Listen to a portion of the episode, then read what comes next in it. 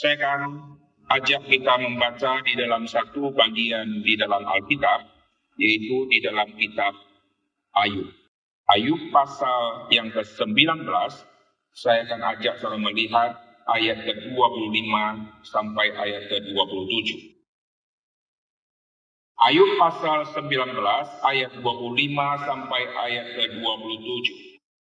Tetapi aku tahu penebusku hidup dan akhirnya ia akan bangkit di atas debu.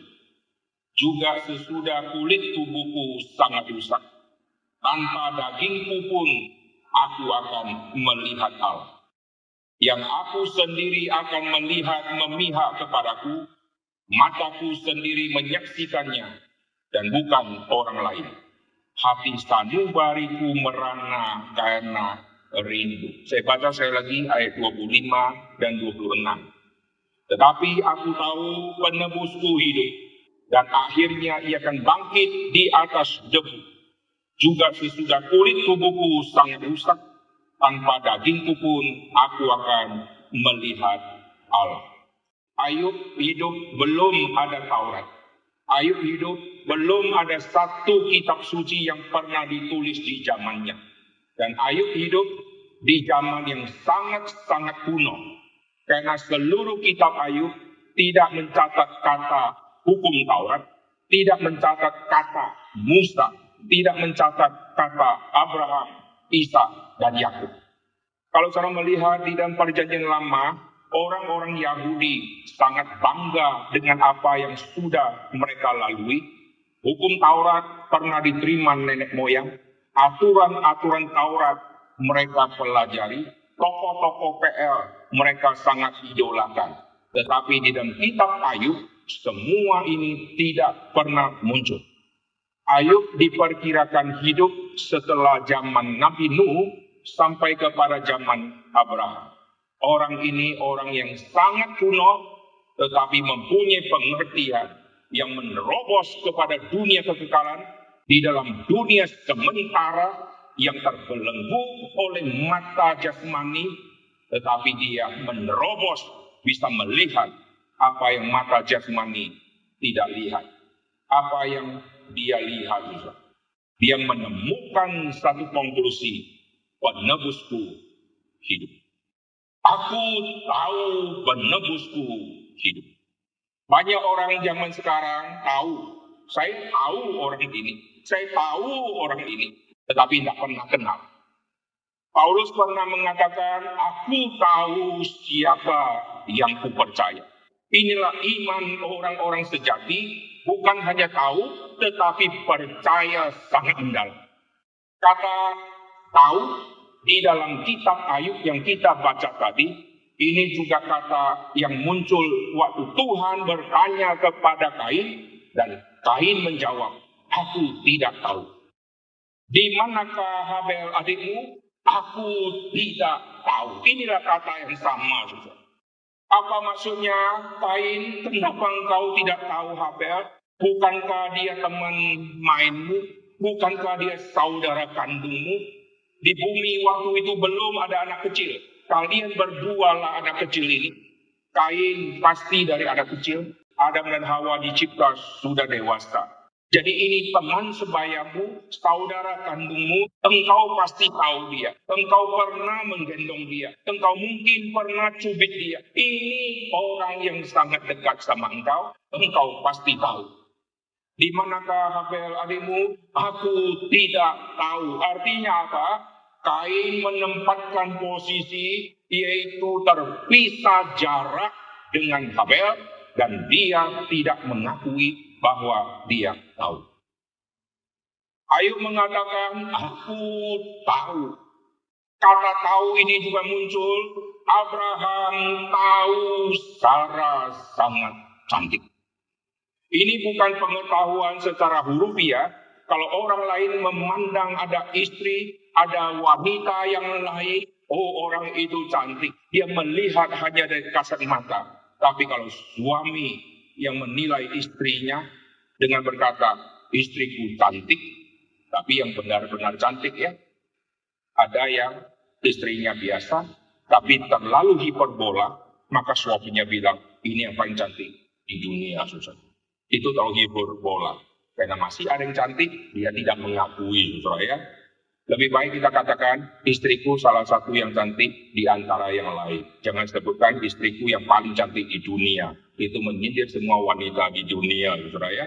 Tetapi Abraham waktu berkata tentang aku tahu engkau sangat cantik, maka dia kong kali kong sama Sarah, kau ini adikku, nanti aku bisa dibunuh. Dia tahu Sarah betul-betul cantik, bukan karena hiperbola. Karena orang Mesir nanti akan mengkonfirmasi Sarah betul-betul cantik. Ini dua contoh yang menarik Kain mestinya kau tahu Habel. Tapi dia jawab, aku tidak tahu.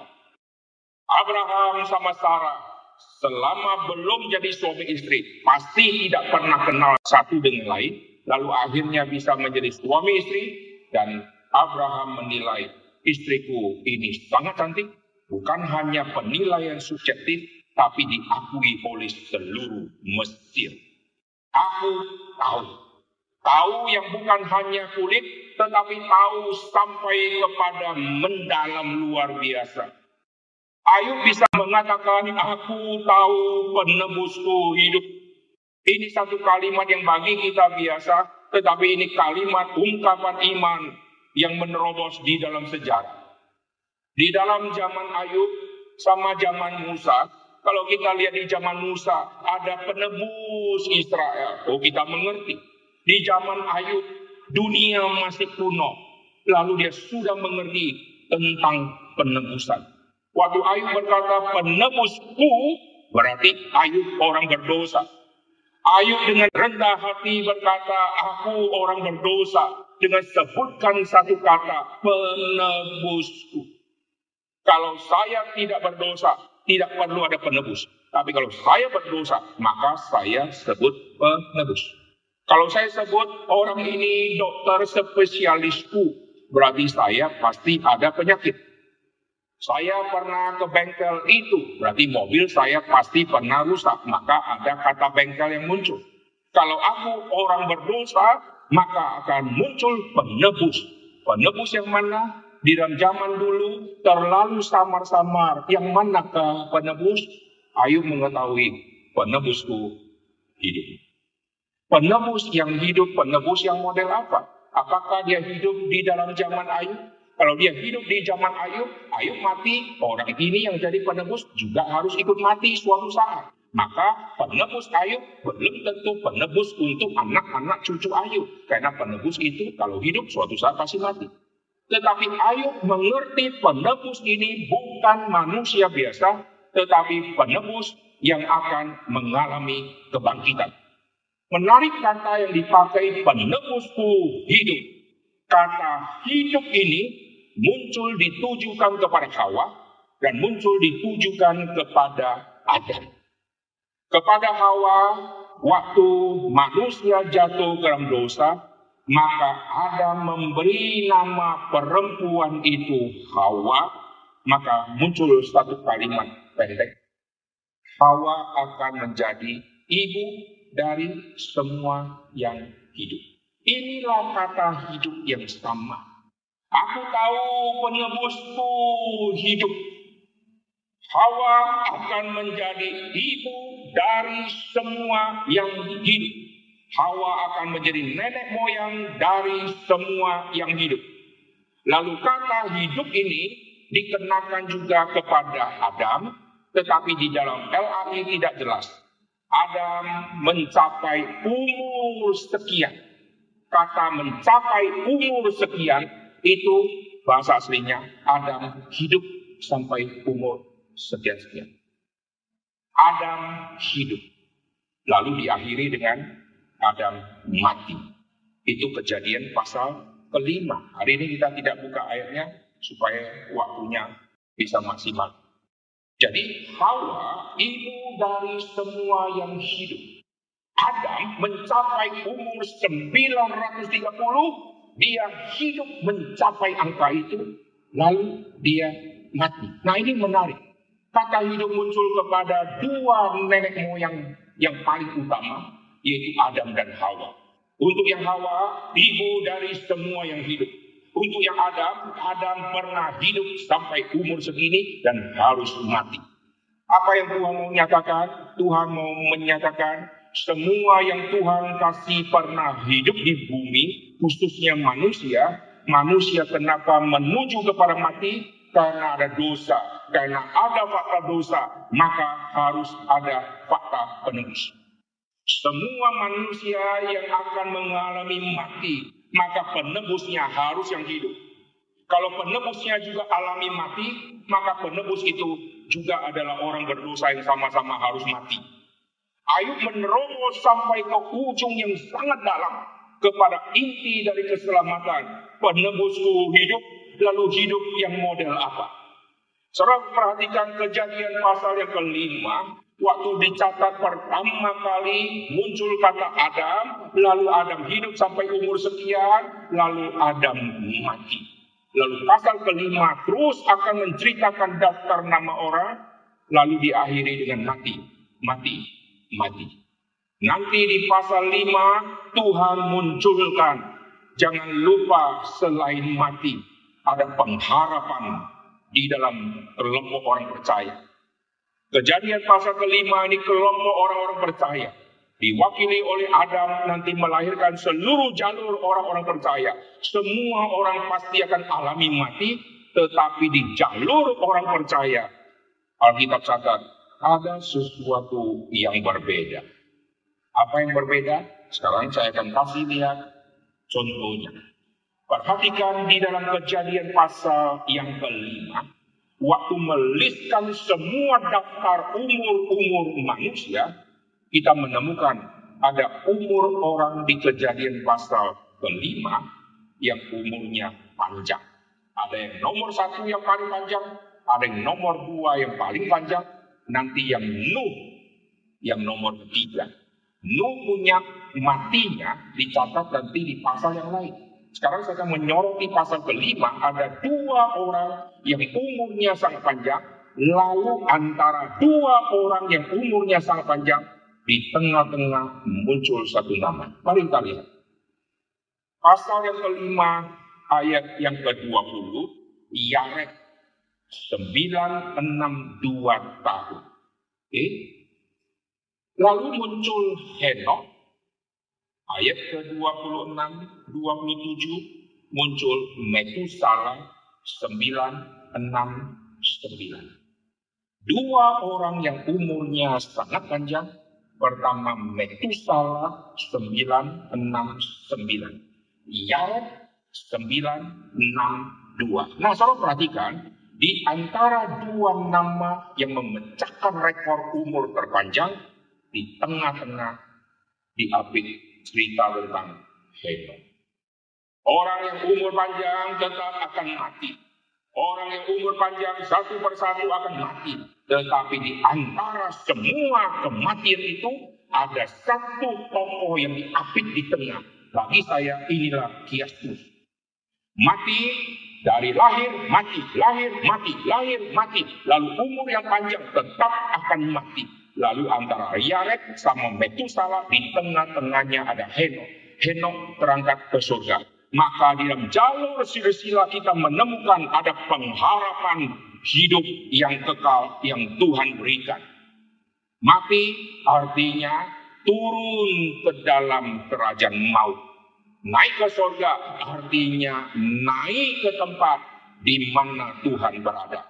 Inilah kata yang sering dipakai di Alkitab. Setiap kali bicara kematian, turun ke bawah. Setiap kali bicara bersama dengan Tuhan, naik ke atas. Terangkat ke atas di tempat yang tinggi. Setiap kali bicara dunia maut, di tempat yang paling rendah. Jadi perhatikan keturunan pasal kelima satu persatu akan mati. Turun ke tempat yang paling rendah Berarti hidup sia-sia? Jawabannya tidak. Maka muncullah di apit antara Yaret sama Metusala di apit cerita tentang Henok yang tidak alami mati tetapi berangkat ke surga. Itu pengharapan yang luar biasa di dalam zaman kejadian pasal yang kelima.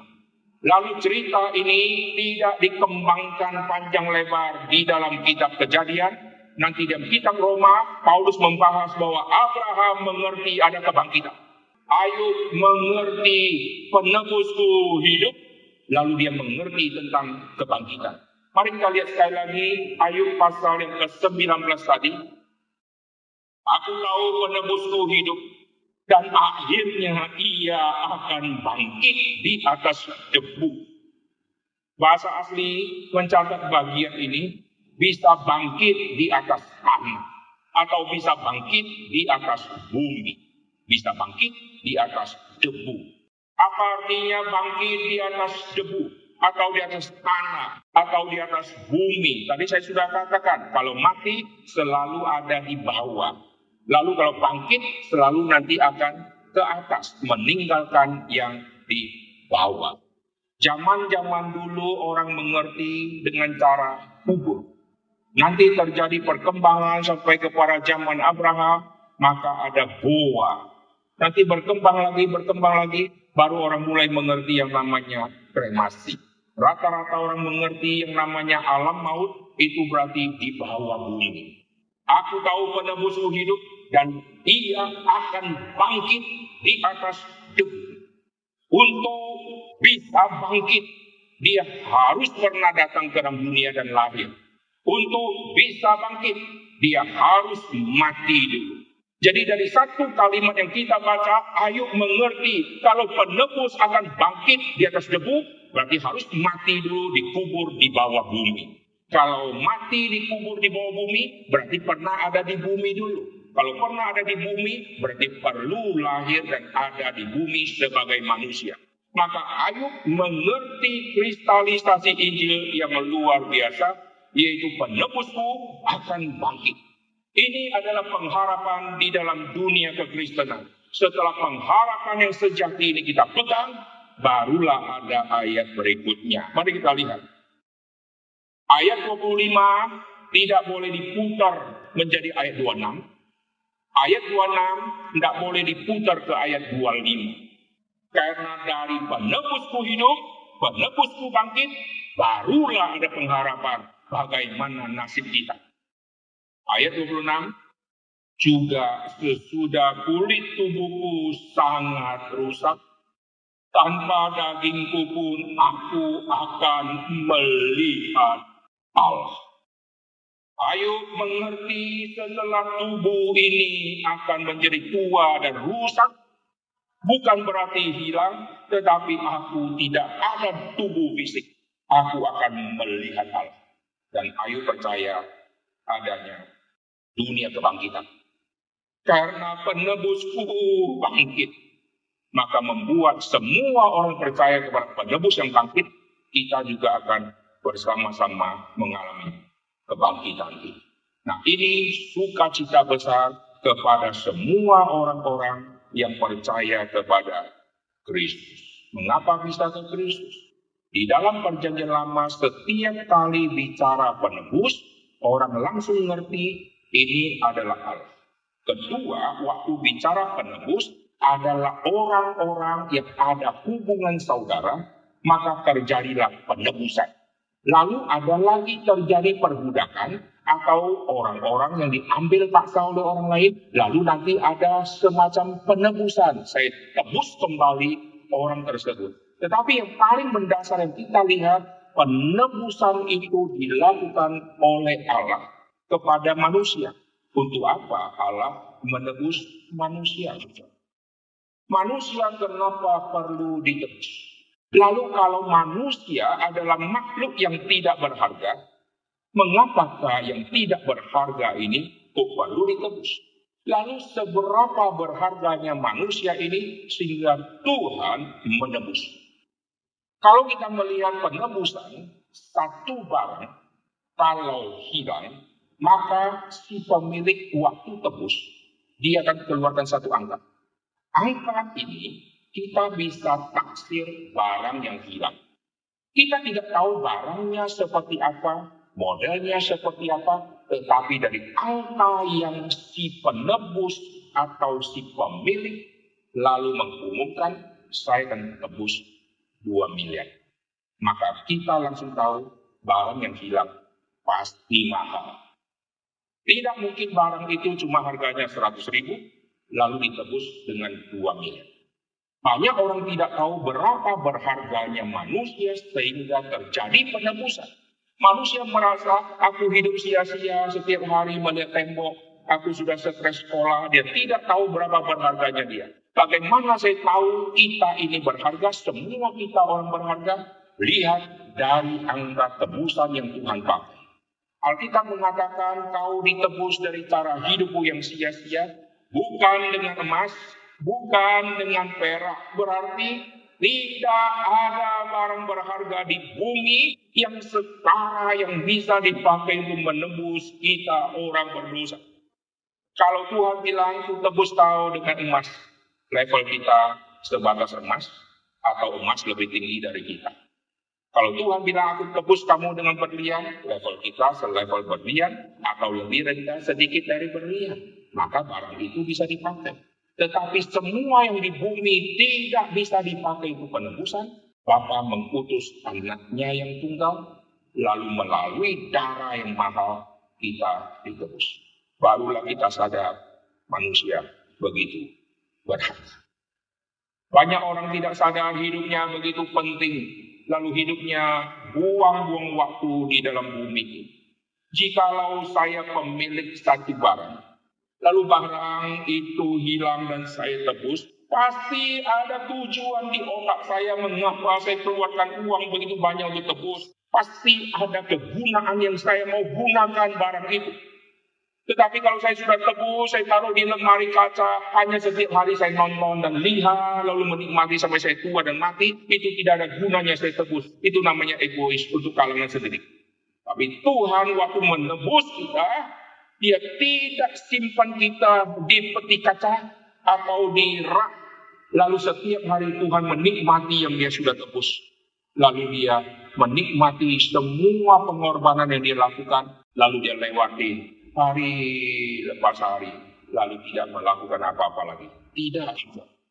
Tuhan sudah tebus, Tuhan jadikan kita rekan sekerjanya, dia utus kita ke bumi. Untuk apa? Untuk misi agung Tuhan yang begitu besar. Ayub dari zaman dulu sudah mengerti penebusku hidup. Dan di dalam hidup ini dia menyaksikan kulitnya, dagingnya satu persatu yang dulunya bagus, sekarang mulai rusak, mulai rusak, mulai busuk, mulai busuk. Semua saudara pun pergi mengasingkan diri, saking bau dan rusaknya tubuh dia. Dan dia sadar, Tuhan kalau hidup seperti ini tanpa ada pengharapan, maka sia-sialah saya hidup di dalam dunia ini. Tapi dia mengerti, tanpa ini semua, aku akan melihat. Saudara kalau baca Ayub pasal ke-19, dia mengeluarkan kata tiga kali tentang kata melihat. Ini iman dia yang luar biasa. Mari kita lihat sekali lagi. Ayat ke-26.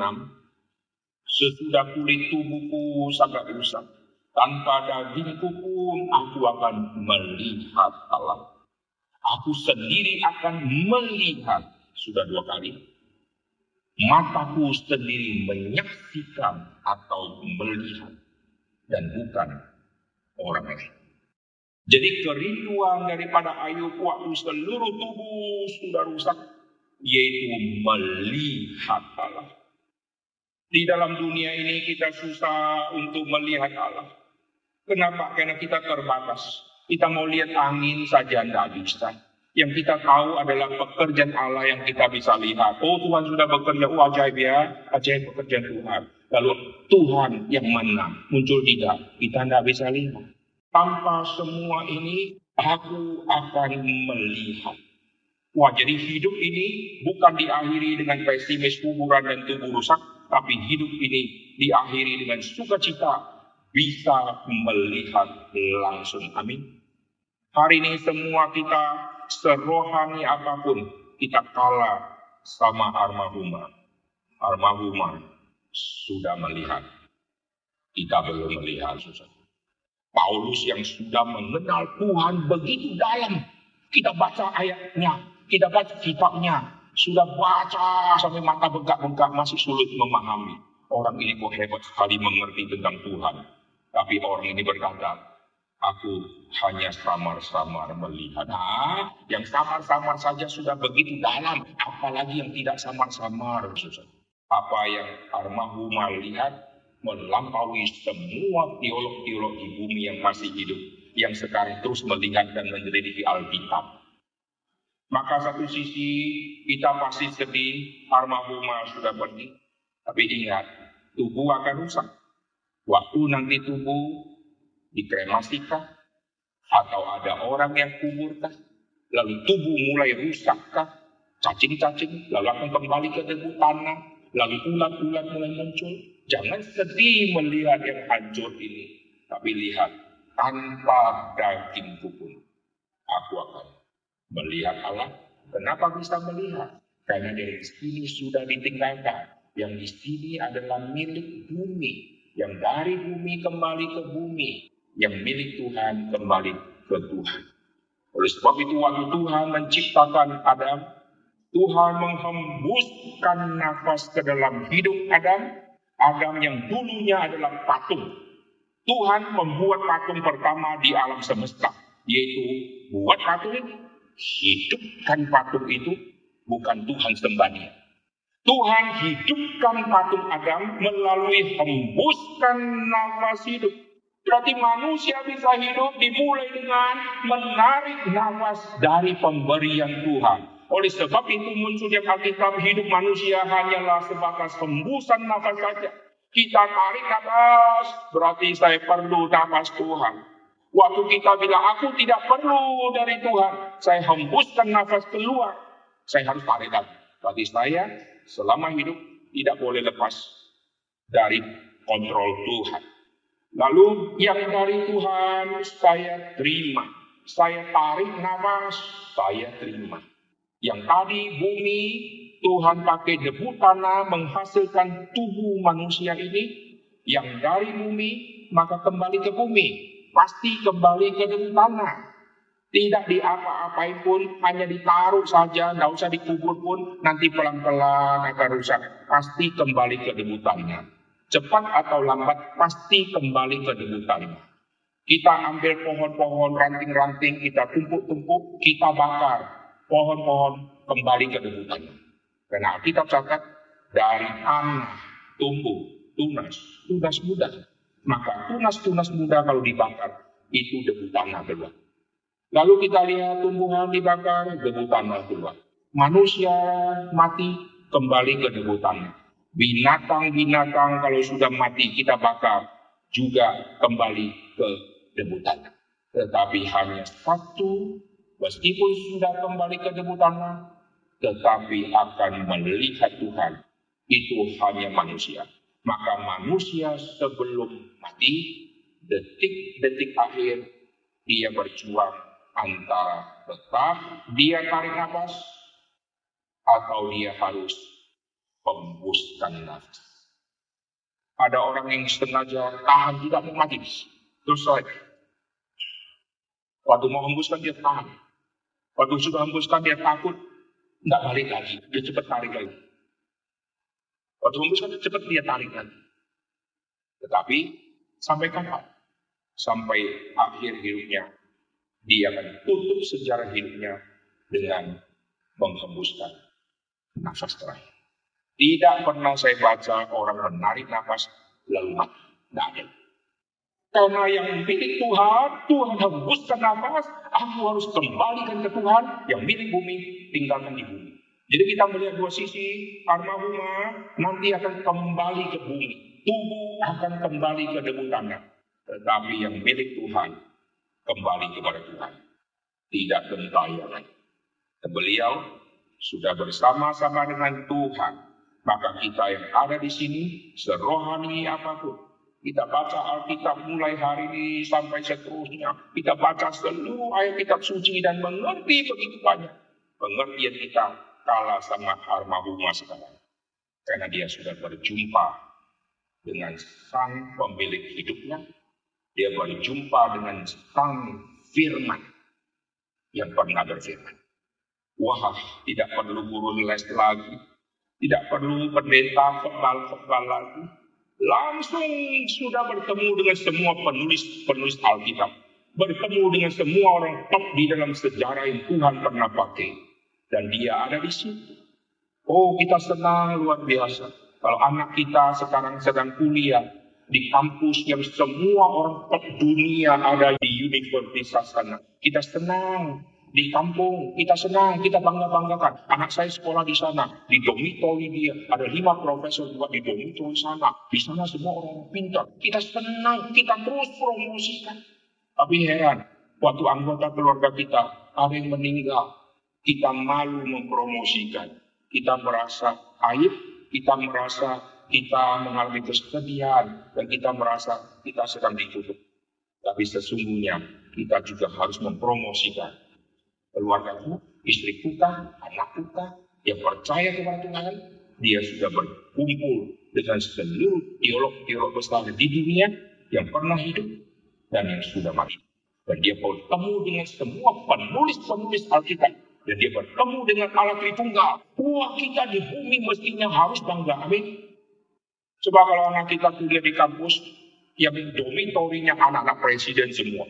Kita bangganya luar biasa. Bila perlu foto-foto semua anak-anak presiden kita pajang di rumah. Ke mana-mana kita bicara, anak saya tinggal bersama anak presiden. Tapi kalau untuk kematian, kita jarang mau mempromosikan. Kita harus menyatakan ini kepada semua orang di bumi.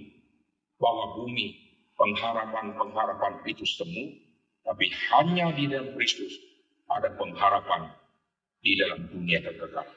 Terakhir, waktu Ayub berkata, aku tahu penebusku hidup.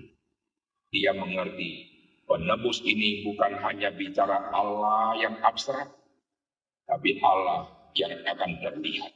Karena dia akan bangkit di atas itu. Tapi kapan dia melihat?